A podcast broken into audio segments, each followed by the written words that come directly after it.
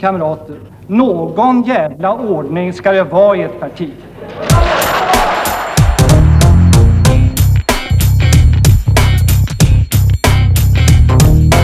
Ja, skiter björnar i skogen? Frågetecken höll jag på att säga. Eh,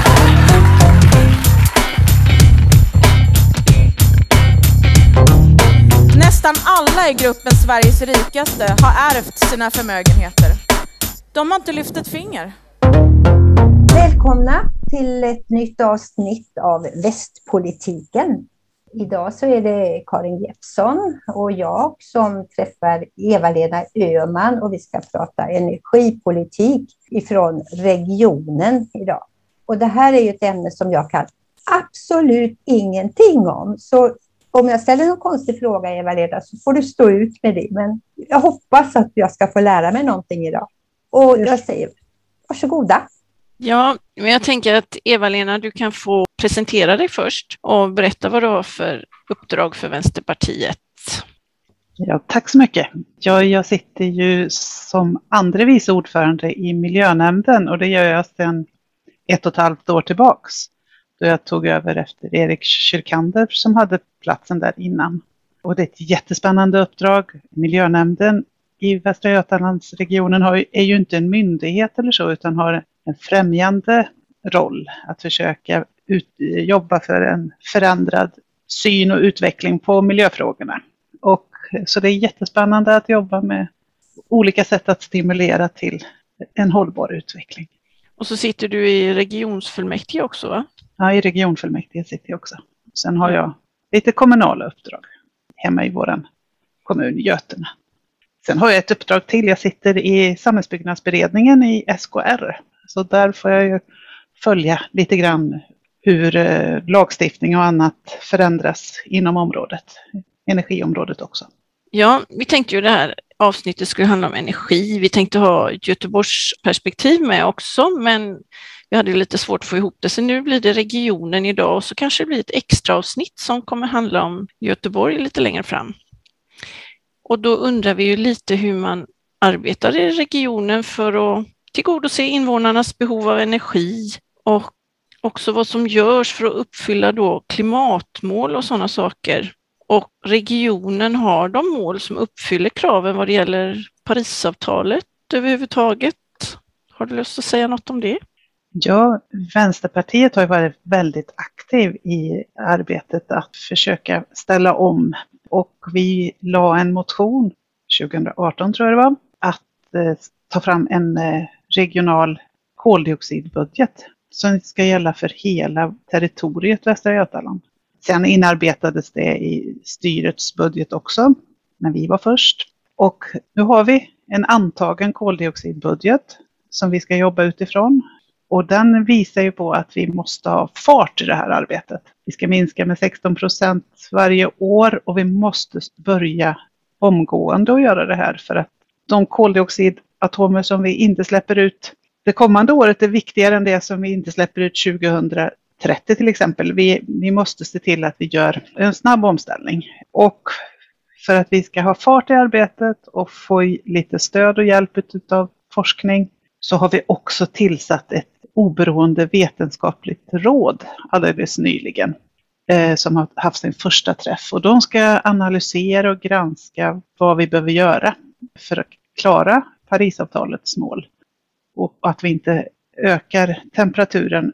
Koldioxidbudgeten är antagen utifrån 2% grad, max 2% temperaturökning, men målet är ju 1,5 grad max. Men eh, så att det här kommer ställa jättestora krav på att vi lägger om transportsystemen, att vi ställer om industrin. Och till det har vi också olika redskap. Olika forskningscentra, stöd till olika projekt och så vidare. Och vi har också en antagen regional utvecklingsstrategi som vi jobbar med. Och i den finns ett, en stor del elektrifiering utav både industri och transportsektor till exempel. Så där finns ett gediget arbete som vi är rätt överens om. Det här inte, har inte varit några politiska stridigheter i ett första skede utan vi vill och ska jobba åt det här hållet. Men sen när det kanske vi måste dra åt tumskruvarna så tror jag att det kan bli lite tuffare. För det här kommer både kosta tid och pengar och eh, behöver göra att kanske behöver ställa om även våra egna liv till viss del här, hur vi tänker och hur vi lever. Att det finns ett genomgripande och stort arbete när det gäller både klimatet och energibiten och som är bredd på. Och det ger ju hopp för eh, framtiden, även eh, efter valet och vi kanske har ett annat styre, så kommer vi kunna hålla fart i det här arbetet. Ja, jag tänkte det för att det är ju mål är ju bra att ha, men det gäller ju också att agera och liksom i varje delmål eller i sakfrågorna jobba för de här sakerna. Och då tänker jag lite, hur förhåller det sig mellan olika partier i regionsfullmäktige? Är det, liksom, är det vissa som bromsar lite, andra driver på? Och hur förhåller det sig? Jag skulle vilja säga att man är rätt så duktig i regionen på att se att det här behovet finns. Och att är vi inte med och ställer om industrin så är vi inte, då är vi inte konkurrenskraftiga i en framtid. Jag kan tycka att kommunerna är de som är bromsklossar många gånger. För de är fast i sin gamla industri och sitt gamla tänk och det är den vägen som är till våran by eller våran stad som behöver byggas ut och bli fyrfilig eller motorväg eller så vidare. Och nu är, lyssnar ju regionen väldigt idogt på vad kommunerna säger och kommunerna har ett stort inflytande i, i regionens regionala utvecklingspolitik. Och där skulle jag vilja se att vi hade modigare lokalpolitiker som faktiskt såg att nej, viss industri kommer inte finnas i en framtid. De kommer att behöva lägga om och tänka nytt. Vi ska säkra att de som jobbar i den här industrin har jobb framledes och får en ny chans, en ny utbildning, ett annat uppdrag. Men vi kan inte alltid hålla fast vid det gamla samtidigt eh, bygga det nya. Och där tror jag vi ibland, ja, det är säkert så att det även på regional nivå finns ett motstånd kring det. Men det är ännu tydligare på kommunnivå när man kanske är beroende av en viss industri för att överleva. Men, eh, och jag kan se att där är vi ibland lite för snälla Eh, mot kommunerna alltså, och, och ska eh, vara, dem till viljes för att ja, vi vill inte komma på kant. Och till exempel har vi jobbat med eh, infrastrukturplanering här nu och vi hade kunnat göra den ännu mer miljövänlig och ännu mer i fas med Parisavtalets mål. Om vi hade satsat ännu mer på kollektivtrafik och ännu mer på gång och cykelvägar och vi har ändå fått en bra bit på väg. Vi har till exempel gjort satsningar på regional tågtrafik, spårbunden trafik, som kanske man inte gör på en, en regional nivå i vanliga fall, utan det är ett statligt uppdrag. Men vi skulle kunna kommit ännu längre om vi hade varit lite mer modiga. Men hur är maktförhållandena i regionsfullmäktige och miljönämnden och vilka partier kan Vänsterpartiet samarbeta med? Vilket gehör kan Vänsterpartiet få för sin klimatpolitik? Det är ju ett minoritetsstyre i, i vår region. Det är de borgerliga partierna tillsammans med Miljöpartiet som styr och eh, vi har väldigt rätt så gott samarbete med Socialdemokraterna i alla fall på regionstyrelsenivå och så vidare. Sen har vi ju ett par ytterligare partier som är utanför samarbetsformerna. Men det känns ändå som de här grundläggande arbetena som vi har gjort, regional eh, utvecklingsstrategi. När det gäller energifrågor så har vi definitivt varit överens. Vi har pratat mer om jämställt och jämlikt medan alltså de borgerliga pratar mer om konkurrenskraftigt. Men vi känns ändå som att det, vi är överens så här långt. Men när det bränner till sen så är jag inte riktigt lika säker på att, att vi är beredda att göra det. Vi vill lägga mer pengar på miljönämnden och nu håller man på och tittar på en omorganisation och, och tittar över hela strukturen på det politiska arbetet. Och vi ser ju framför oss en, att eh, miljönämnden får ett större uppdrag. Det kanske blir en klimat och miljönämnd får en större del av regionalutvecklingspengarna. För vi lägger ju rätt mycket av vår skattkista till regional utveckling. Och vi tycker att det ska vi göra det så ska det vara en förutsättning också att man bidrar till klimatomställningen och energiomställningen för att man ska få del av de här pengarna. Och därför vill vi att, att mer pengar går till miljönämnden eller den här tänkta då klimatmiljönämnden som vi hoppas och mm. tror på. Vi hoppas och tror att det fortfarande är en möjlig väg den är inte stängd, inte ens från blågröna sida. Det finns också SD som vill lägga ner och ta bort miljönämnden som de har motionerat om och driver. Och den vägen tror vi inte alls på. Utan nu behövs det verkligen en ännu starkare miljönämnd och ett miljön, äh, eh, miljöarbete. Vi kan se att äh, partierna kanske inte väljer att sätta mm, de tuffaste och, och starkaste politikerna i miljönämnden. Utan de sitter oftast i regionutvecklingsnämnden. Det är mer prestigefyllt arbete att sitta där. Den, det vill vi ändra på. Utan det viktigaste arbetet eh, i regionutvecklingsarbetet det ska vara just miljö och klimatarbetet. För är vi inte med på banan där så har vi ingen framtid. Ja, det är verkligen utveckling. Men bara en parentes, finns det andra partier i regionen som bara finns i regionen? Ja, och i Göteborg då, Demokraterna. Ja, ja men det, så Demokraterna finns i regionen också? Ja, just det. Ja, okay. Mm. Och de har ju en egen agenda som inte stämmer överens med oss andra. De är, de är inte representerade i miljönämnden, inte regionutvecklingsnämnden heller tror jag. Ja, ja men du, vi pratade ju några ord förut. Är det andra sådana här intressanta projekt då som är för att regionen ska bli energieffektivt som pågår? Vi, vi har ju precis tagit en internt miljö, miljöplan och i den har vi ju höga mål när det gäller vår egen energieffektivitet. Att vi ska, dels så ska vi bli bättre på att producera egen el i form av solcellsanläggningar och vi ska också bli ännu bättre. Vi har kommit en bra bit på väg eh, när det gäller att energieffektivisera våra fastigheter. Men vi har ju också dilemmat att vi har mer och mer energikrävande utrustning, röntgenutrustning och så vidare som tar jättemycket energi. Så, och vi räknar per kvadratmeter, våra mål är satta kring kvadratmeter. Så nu måste vi också börja titta på hur vi kan energieffektivisera även själva verksamheten, inte bara husen och fastigheterna. Och där är en resa kvar. Men vi gör, gör stora och fina satsningar när det gäller till exempel solcellsanläggningar. Skaraborgs sjukhus i Skövde har ju varit en av de eh, som har varit, kommit längst och gjort eh, solcellsanläggningar på parkeringsplatserna och, och mycket laddplatser också. Eh, riktigt stora anläggningar. Och nu senast så byggde man på Näl, där helikopterns inflygningsyta så har man byggt solcellsanläggningar nära ambulansintaget där. Också stora anläggningar. Och det här vill vi ju se mer utav. Att våra tak ska vara prydda och beklädda med, med, solceller så mycket som möjligt. Och vi gör en solstudie, en, pilot, en solpilot kallar vi det, och som är mer övergripande där vi tittar på hur stora ytor utav våra tak skulle vara möjliga att ha solceller på i hela regionen och vilken kapacitet har vi att producera el på våra byggnader. Och vi har spelat in där också att vi skulle vilja titta på mera på våra parkeringsplatser också. Att göra så som vi har gjort på Skaraborgs sjukhus i, i Skövde. Ha mera solcellstak på parkeringsplatserna. Det är annars onyttjade ytor. Och dessutom får vi fin skugga i våra bilar så vi inte behöver sätta oss i, i jättevarma bilar när vi kör därifrån och blir trafikfaror. Så det finns mm. många aspekter på det. Och, och, det håller vi på att titta på nu. Det vi har, den studien är inte färdig än riktigt. Men vi gör ju de här analyserna som en GIS-skikt så vi vet vad vi har för möjligheter att öka produktionen utav fossilfri el. Det är målet. Det följer vi de nationella målen. Du sa ett ord där, GIS-sikt eller vad sa du? GIS, eh, geografisk informationssystem.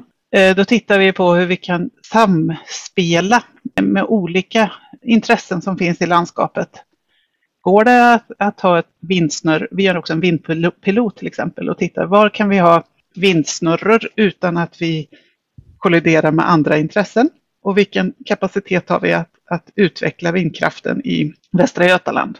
Och vi har fått till oss att vi ska jobba utveckla det med 7,5 terawattimmar. Det är rätt mycket som vi ska bygga ut vindkraftverken i Västra Götaland och då ska ju regionen vara drivande i den processen. Och det finns det motstridiga intressen. En av de största motstridiga intressena, intressenterna som vi har är försvaret som säger nästan nej överallt när vi vill bygga vindkraftverk. Och, och där vill vi gå vidare och se om det faktiskt är, är möjligt. Och eh, jag hörde en person sa, jag tyckte det var väldigt bra, att om det skulle bli så att försvaret måste använda sin kapacitet vid något tillfälle vid krig, så lär ju de också behöva utöva sitt krig i anslutning till vindkraftverk. Så det är väl bra om man kan samspela på det. För många gånger så säger man blankt nej då till en vindsnurra för det är inflygningen för flyget någonstans. Men det känns som att vi har nästan lagt hela vårt landskap under försvaret och de är ju, det blir en brom, bromskloss i det här fallet som vi måste titta vidare på. Och, men vi måste samexistera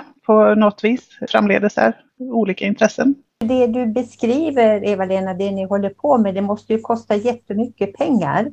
Har ni en stor budget i miljönämnden eller hur ser det ut? Eller får ni strida för att för att få pengarna att räcka till? Ja, eh, jag tycker vi har för lite pengar. För att, och framförallt är det pengar för att vi vill ju vara förebild i miljöarbetet. Och det är inte bara pengar utan man har också gjort så dumt att man har gjort ett anställningsstopp på staben. Och det har tyvärr även vi från Vänsterpartiet varit med och tagit det beslutet. Det vill säga vi kan inte anställa mer tjänstemän som kan jobba med de här frågorna. Och det behövs ju nya kompetenser inom området. Ett område som vi nu ska jobba jättemycket med är biologisk mångfald. Men då får vi inte, den kompetensen finns inte eh, i tillräckligt hög grad i eh, koncernkontoret.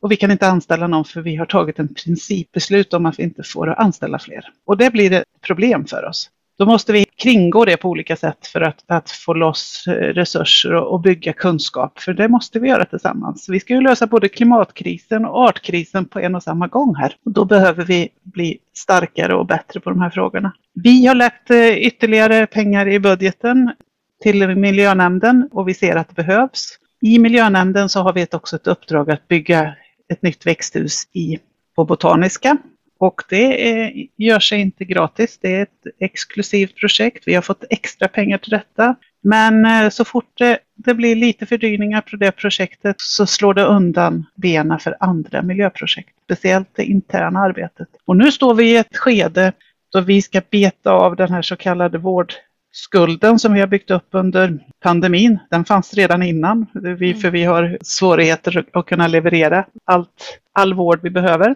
Och då ska vi samtidigt se till att våra verksamheter gör arbetet och sin hemläxa med vårt egna interna miljöarbete. Och då behövs det resurser. Det behövs resursförstärkningar, inte bara i miljönämndens budget utan också ute i verksamheten. Och till exempel, vi vill göra våra transporter elektriska. Det köps in lastbilar och det ska byggas laddställen för lastbilar som är elektriska. Och då är det miljönämnden som får gå in och gör, vara garanten för att, att, att, de här pengarna finns. Man söker pengar från andra håll också. Men i de bästa världar så hade de här pengarna funnits i de olika verksamheterna för att göra den här omställningen. Så det behövs pengar både i miljönämnden och i övriga delar av VGRs verksamhet. Sen kommer det en hel del pengar som man kan söka från EU. Det kommer komma rätt mycket de närmaste åren. Och det gäller allt ifrån klimatarbete till klimatanpassning. Ja. Men det kräver ju också resurser att söka de här pengarna och rapportera de här pengarna. Jag ser att det finns stora behov och vi, lägger, vi är det parti som lägger mest pengar på miljöarbetet. Det känns bra. Men växthuset du nämnde, är det ett eh, miljöprojekt att bygga det? Ja, det är det ju på det viset att Botaniska trädgården har ju ett uppdrag att säkra och skydda arter, hur många olika arter och de har också ett, ett, uppdrag att jobba med invasiva arter och biologisk mångfald och så vidare. Så att eh, på det viset är det ett miljöprojekt. Sen så ska ju de här nya växthusen också bli mer miljöeffektiva på alla sätt och vis. Och så på så vis är det ett miljöprojekt. Men det, det är ett dyrt projekt och jag är ju själv landskapsarkitekt och älskar trädgård så jag, jag säger inte att det inte är viktigt. Men det får inte kosta för mycket utan vi måste se till att vi har pengar kvar till andra verksamheter också. Jag tänkte, för det här berättat om nu, det är ju interna grejer, alltså det är VGRs byggnader, VGRs lastbilar och så vidare. Finns det sätt att påverka andra verksamheter i regionen, privata? Ja, vi har ju många olika projekt som vi samarbetar med andra eh, aktörer. Vi har kommunernas klimatlöfte till exempel, som vi gör tillsammans med Länsstyrelsen. Har ni hört talas om det? Nej. Det är det är ett spännande projekt som många kommuner är med i, där man har en 20-punktslista som man kan få välja åtagande som man ska göra det kommande året. Det kommer slutrapporteras här i december för detta årets aktiviteter, vad vi har gjort. Och så kommer det nya aktiviteter 2022 istället då. Där kommunerna förbinder sig att, att göra vissa klimatlöften eh, som minskar klimatutsläppen. Det kan vara allt ifrån att bara köpa fossilfria elbilar eller bilar utan fossilbränslen till att jobba cirkulärt, till att minska matsvinnet och så vidare. Det är ett projekt. Vi har Industriklivet vi jobbar med, där vi jobbar tillsammans med industrin att ställa om till en, en hållbar produktion. Och sen är det massor av olika eh, program eller projekt som man söker och jobbar ihop och utvecklar tillsammans med till exempel science parks av olika slag. Ja, den lång, listan är jättelång. Ja, okej. Okay. Men vad är science parks för något? Det är ju när industri, forskning och det offentliga träffas och jobbar tillsammans för att utveckla olika områden. Vi har ett antal olika science park i VGR som vi arbetar nogsamt med. Och sen har vi en jättespännande satsning nu där vi har ökat beloppen till kommunalförbunden. Där varje kommun, varje kommunalförbund har fått lite extra resurser för att kunna anställa en klimat och miljöstrateg inom varje kommunalförbund. Så de har fått ytterligare medel, en och en halv miljon, så att de ska kunna i respektive område jobba mer med klimatfrågorna och vi ska få tydligare kontaktvägar mellan kommun och region. Så det finns många olika kontaktytor och många olika projekt. Hur ser man på biogas? Biogas, det trodde vi kanske skulle ha en större roll framledes för eh, personbilar och biogasbil i tio år själv innan jag skaffade elbil. Nu kommer ju biogasen vara en viktig del för tung industri framledes tror vi. Och eh, även vanlig industri kommer säkert använda det istället för naturgas som man gör bitvis. Fordonsflottan, även lastbilsflottan, går ju mer och mer mot elektrifiering i övrigt. Den utvecklingen har gått snabbare än vi trodde. Men biogasen är ju ett suveränt sätt att utveckla restprodukter ifrån samhället. Slam till exempel har vi använt länge. Det är ett projekt nu som vi stödjer, eh, en biogassatsning som byggs här i Götene i min hemkommun där eh, Klimatklivet går in med de största beloppet man någonsin har gjort, 158 miljoner går man in. Och så ska man omsätta gödsel, för, framförallt gödsel och ensilagerens och så till biogas. Och då slår man ju två flugor på smällen. Målet är att man producerar flytande biogas som dessutom finns en tankställe byggt redan som också regionen har varit och stött här i, i korsningen mellan riksväg 44 och Europaväg 20. Och man får också ett mycket mer och bättre gödsel utav det här som eh, inte läcker så mycket kväve och, och så till våra vattendrag. Så det är en jättebra lösning tycker vi och här jobbar man tillsammans med Alabönder runt omkring och driver det här projektet. Så det är stora mängder gödsel. Det är 60 lastbilar per dag räknar man med att man ska, om man slår ut det på ett år, som kommer att köra gödsel till den här anläggningen sex hektar stor anläggning. Biogasen kommer att också försörja våra landsbygdsbussar framledes eh, medan eh, stadstrafiken kommer att gå med el mer. Man kan köra längre med biogas kanske? Det är lite mer, framförallt den håller längre. Ja. ja, och då tar man slam och sånt för man vill ju inte gärna ta skogen. Nej, och det är inte aktuellt heller. Ingen skog till eh, biogas utan det är restprodukterna. Det är gödsel, slam, rens och matavfall givetvis. Då. En anläggning i Götene kommer inte att användas för matavfall utan det är andra produkter. För man är så mån om att man får ett riktigt bra gödsel också som vi kan använda på våra åkrar.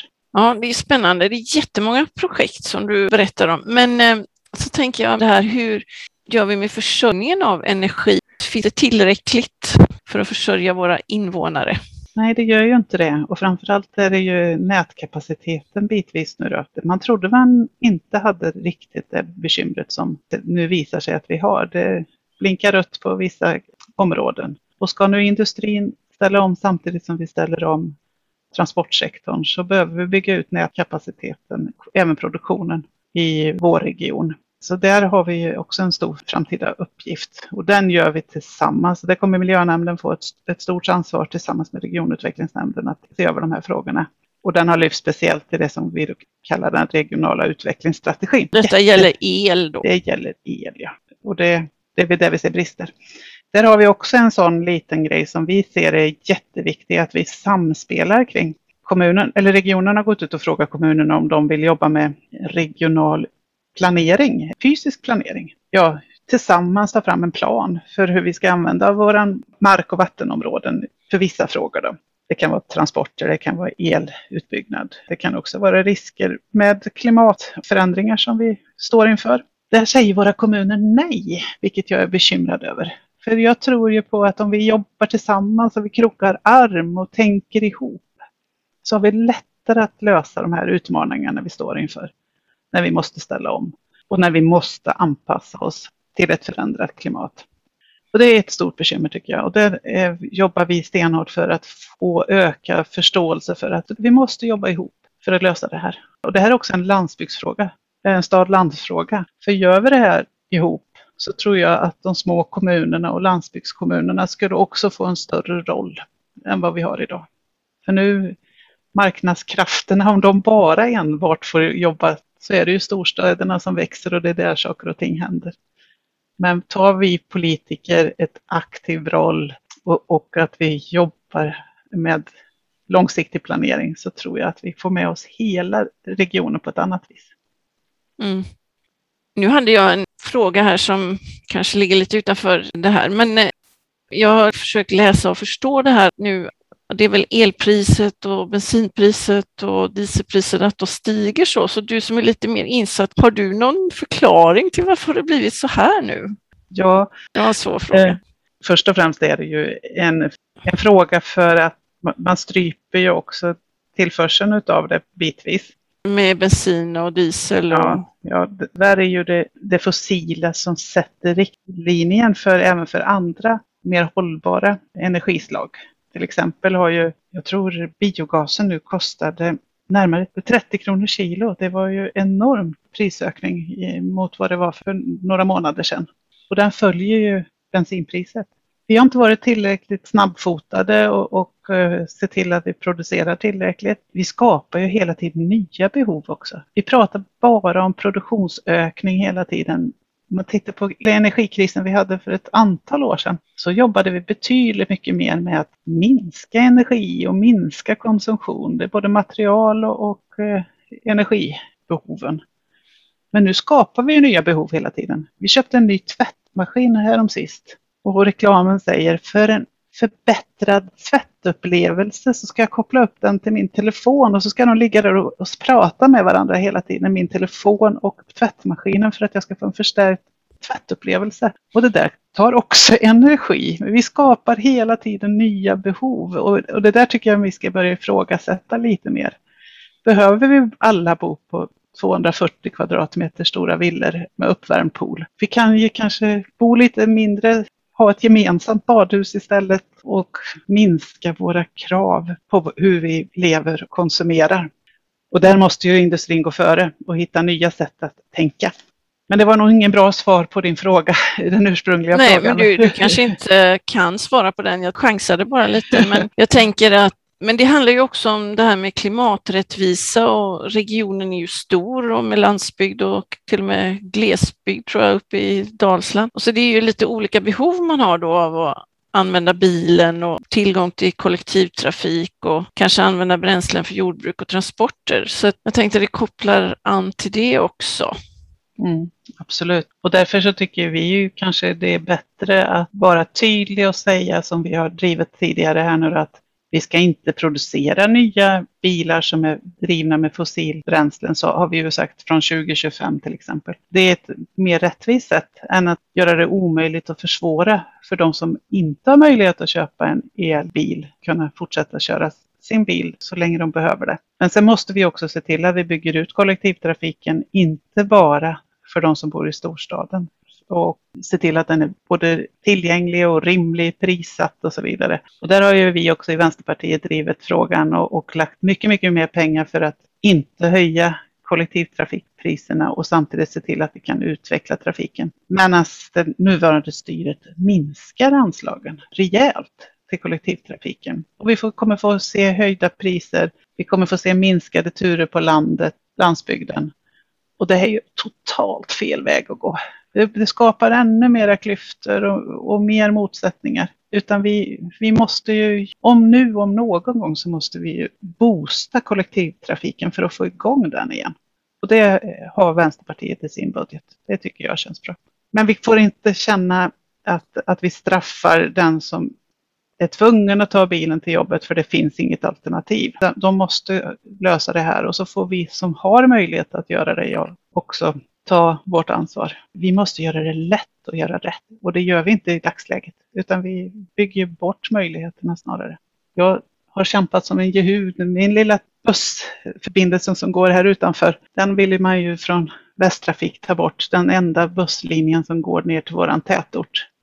Och det är Götene du bor i? Ja, jag bor i Götene. Jag bor i Hällekis och så finns det en liten kollektivtrafiklinje och jag tror inte folk som bor i stadsmiljö förstår hur dåligt försörjt det är med kollektivtrafik på landsbygden. Och då måste vi hitta andra sätt. Kanske behöver ha en, en kollektivtrafik som är anropsstyrd men som fungerar och som går när folk behöver den, inte när eh, taxin har möjlighet att ta sig hit. Det måste vara rimliga möjligheter att, att, att välja det här. Men eh, ja, det är ett svårt kapitel. Är det något som jag har glömt att fråga dig om som du gärna vill berätta om? Ska vi se. Jag ser en lagring av eh, eh, energi möjligen då. Mm. Men det är kanske ett svårt kapitel.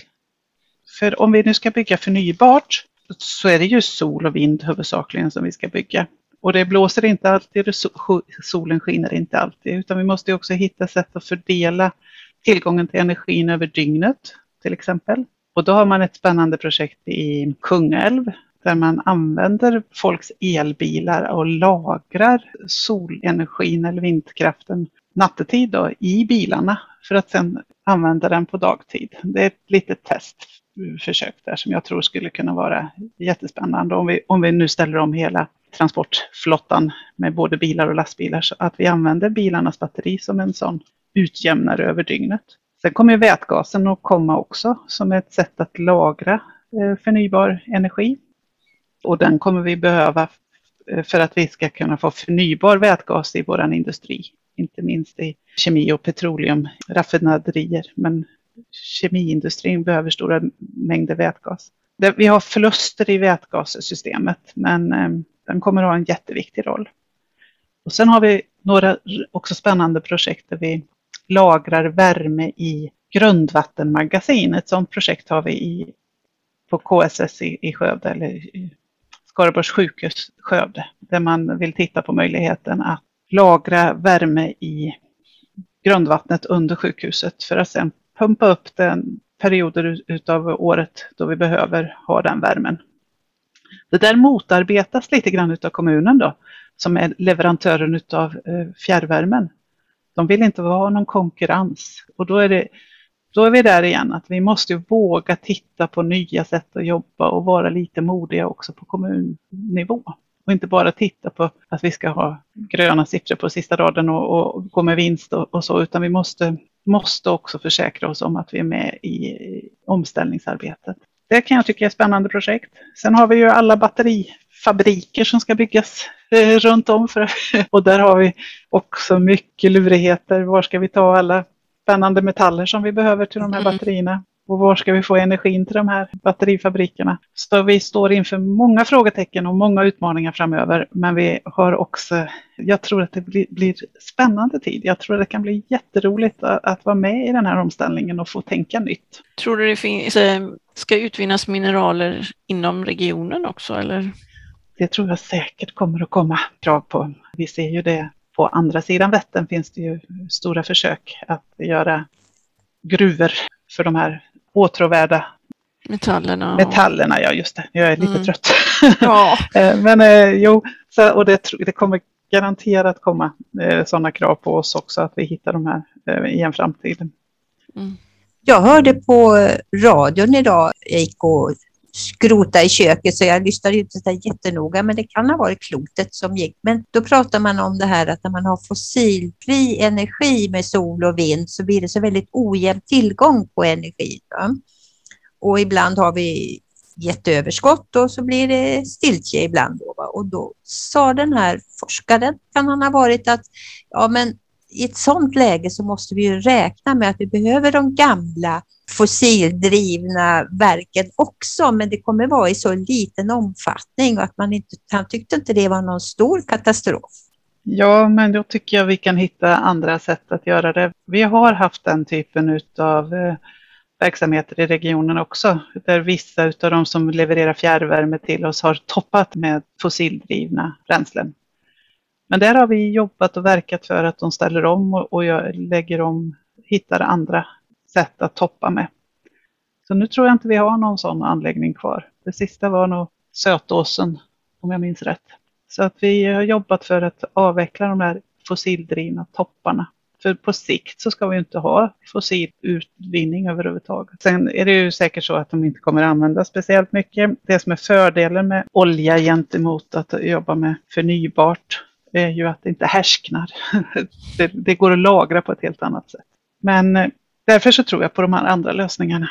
Det här batterierna på natten eller att vi ser till att konsumtionen är lite jämnare över dygnet. Att vi laddar bilarna på natten och inte på dagarna. Eller tvärtom.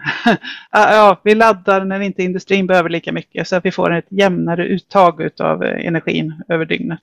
Men det finns inte en lösning utan det här måste nog samverka med många olika typer av lösningar. En stor konflikt ska man säga som vi har även regionpolitiskt men som genomsyrar hur vi tänker. Det är ju att man ser ju flera av de borgerliga partierna som i grund och botten ser att vi ska börja bygga nya kärnkraftverk. Och där är ju inte vi på samma spelplan överhuvudtaget. Den, den finns ju inte i våran värld. Men, och det finns inte lönsamhet på det heller. Det finns ingen som vill satsa på det här för det kostar för mycket och vi har fortfarande inte löst lagringsproblemen utav kärnavfallet. Men där finns många partier fortfarande som driver de här frågorna. Och det är fortfarande så att de har en viktig del än så länge i, i vårt eh, produktion utav el. Men det måste vi komma ifrån.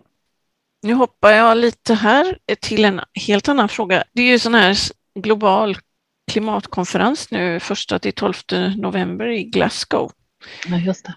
Ja, så tänkte jag bara fråga, så här, vad hoppas du ska hända för hela planeten eller saker som ska hända som är bra för Västra Götaland? Ja, man hoppas ju på att de här krafterna som trots allt säger att vi ska minska ambitionen och skyller på att vi har fått den här pandemin, krisen och alltihopa. Vi måste vänta att de rösterna blir nedtystade givetvis och att uh, vi förstår vikten av att det här gör vi tillsammans och det här gör vi nu och det finns ingen återvändo. Jag hoppas och tror att de ungas röster får mer genomslag. Ja, det är spännande. Ja, för VGRs del så vi är ju där och vi bevakar det från miljönämnden och följer det nogsamt. Och vi tror väl fortfarande att det finns ett gehör för att vi inte backar utan snarare stramar åt det här ännu mer. Så här på slutet då, om vi tror att vi är på slutet nu, så brukar vi fråga om du bara fick välja, om det var du som bestämde, vad är det för eh, mål eller reformer som du skulle vilja hända nu direkt eller helst hade hänt igår? Ja, en av de viktigaste sakerna tror jag att vi får en lagstiftning som faktiskt kan ställa krav. Det finns ju ett förslag nu som säger att vi ska ha miljöbalken också ska kunna väga in utsläpp av eh, växthusgaser i tillståndsprövning. Det har inte varit riktigt möjligt förut utan att vi faktiskt från politikens håll kan få lov att ställa krav och att vi då därmed kanske påskyndar omställningen utav industrin. För det tror jag är den största och viktigaste delen. Och gör vi inte det, det är så jädra svårt som enskild människa att säga att jag ska göra jättestora åtgärder själv, jag ska fixa klimat, problematiken genom att äta rätt och leva rätt och resa rätt och så vidare. Medan man ser att koldioxidutsläppen och växthusgasutsläppen från industrin är så enormt höga. Och vågar vi inte ta de där obekväma politiska besluten att förändra industrin så kommer vi heller inte få med oss folket i övrigt tror jag inte. Utan vi måste börja i den änden. Och då behövs det lite modigare politiker som vågar säga och ställa krav och på så vis hjälper industrin att ställa om. För att de har lösningarna om vi bara vågar visa att det är det här som gäller nu framledes. Men där har vi motstånd. Det säger vi inte minst från borgerligt håll som säger nej, vi kan inte ställa krav, då flyttar de till länder som inte har några krav och så tappar vi hela industrin. Men det är lika dumt som att säga att vi måste satsa mer på låglönejobb, för det är så vi utvecklar industrin. Jag tror att ger vi folk bra förutsättningar och ser till att de får vara med och vara kreativa och tjäna bra och vara delaktiga så, så gör vi det här tillsammans. Vi utvecklar inte det här landet genom att inte ställa krav och inte ge folk bra betalt. Tvärtom. Ja, jag håller med. Men eh, ja, är det några mer sådana här uh, grejer som du önskar du hade en trolleristav och bara fixa till? Det är, väl, det är väl möjligen hur vi ska få vara lite mera lyhörda på ungas röster och ungas krav. Det, det, vi är så många gamla och medelålders människor som tror vi vet hur vi ska lösa det här och vi lägger en hel del utav både lösningarna och skulden på kommande generationer och säger ja men i en framtid så kommer de kunna lösa det här mycket bättre än vi gör nu. Så vi väntar, vi avvaktar. Och om vi istället var lite mer lyhörda mot de där unga människorna som är både kunniga och engagerade så skulle vi klara det här bättre tror jag. Det är som att vi skuldsätter framtida generationer. Ja, vi gör, gör det. Och vi mm. hade hela tiden den här ofödde medborgaren på, på näthinnan. Det är den vi jobbar för. Då hade vi nog fått en annan lösning tror jag. Men de, de finns inte med i resonemanget.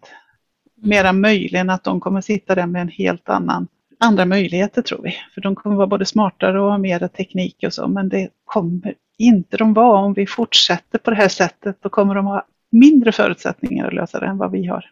Mm. Utan det är vi som har lösningen och det är vi som måste ta det här ansvaret. Mm. Det här kanske kan bli en fin avslutning. Ja. Om vi stannar här. Ja, Annika hade behövt komma med några roliga historier under resan. Ja, du så får vi höra dem. Jag har ingen på gång, men, men, och jag är så glad för att jag har hängt med i allt jag har berättat här. Så intressant. Men det var en grej jag skulle vilja säga, för du sa alldeles i början så här att miljönämnden, det är ingen status att sitta i miljönämnden, så där sitter inte de starkaste korten. Men jag skulle vilja säga att jag tror att Vänsterpartiet har gjort det i alla fall.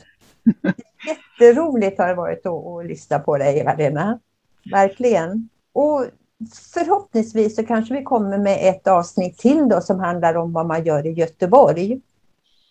Om någon månad, lite drygt kanske, om vi får till det med våra tider den här gången.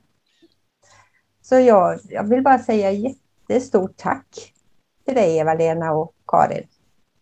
Och till alla som lyssnar på det här avsnittet så vill vi bara säga att vi finns på Facebook, Västpolitiken och på Instagram och Twitter så där kan man kommentera och fråga saker också. Tack så mycket för att jag fick vara med. Kamrater, någon jävla ordning ska det vara i ett parti.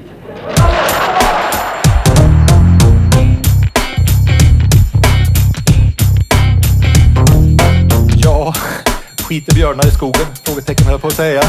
Eh.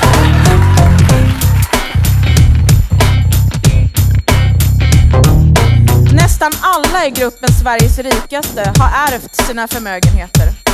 De har inte lyft ett finger.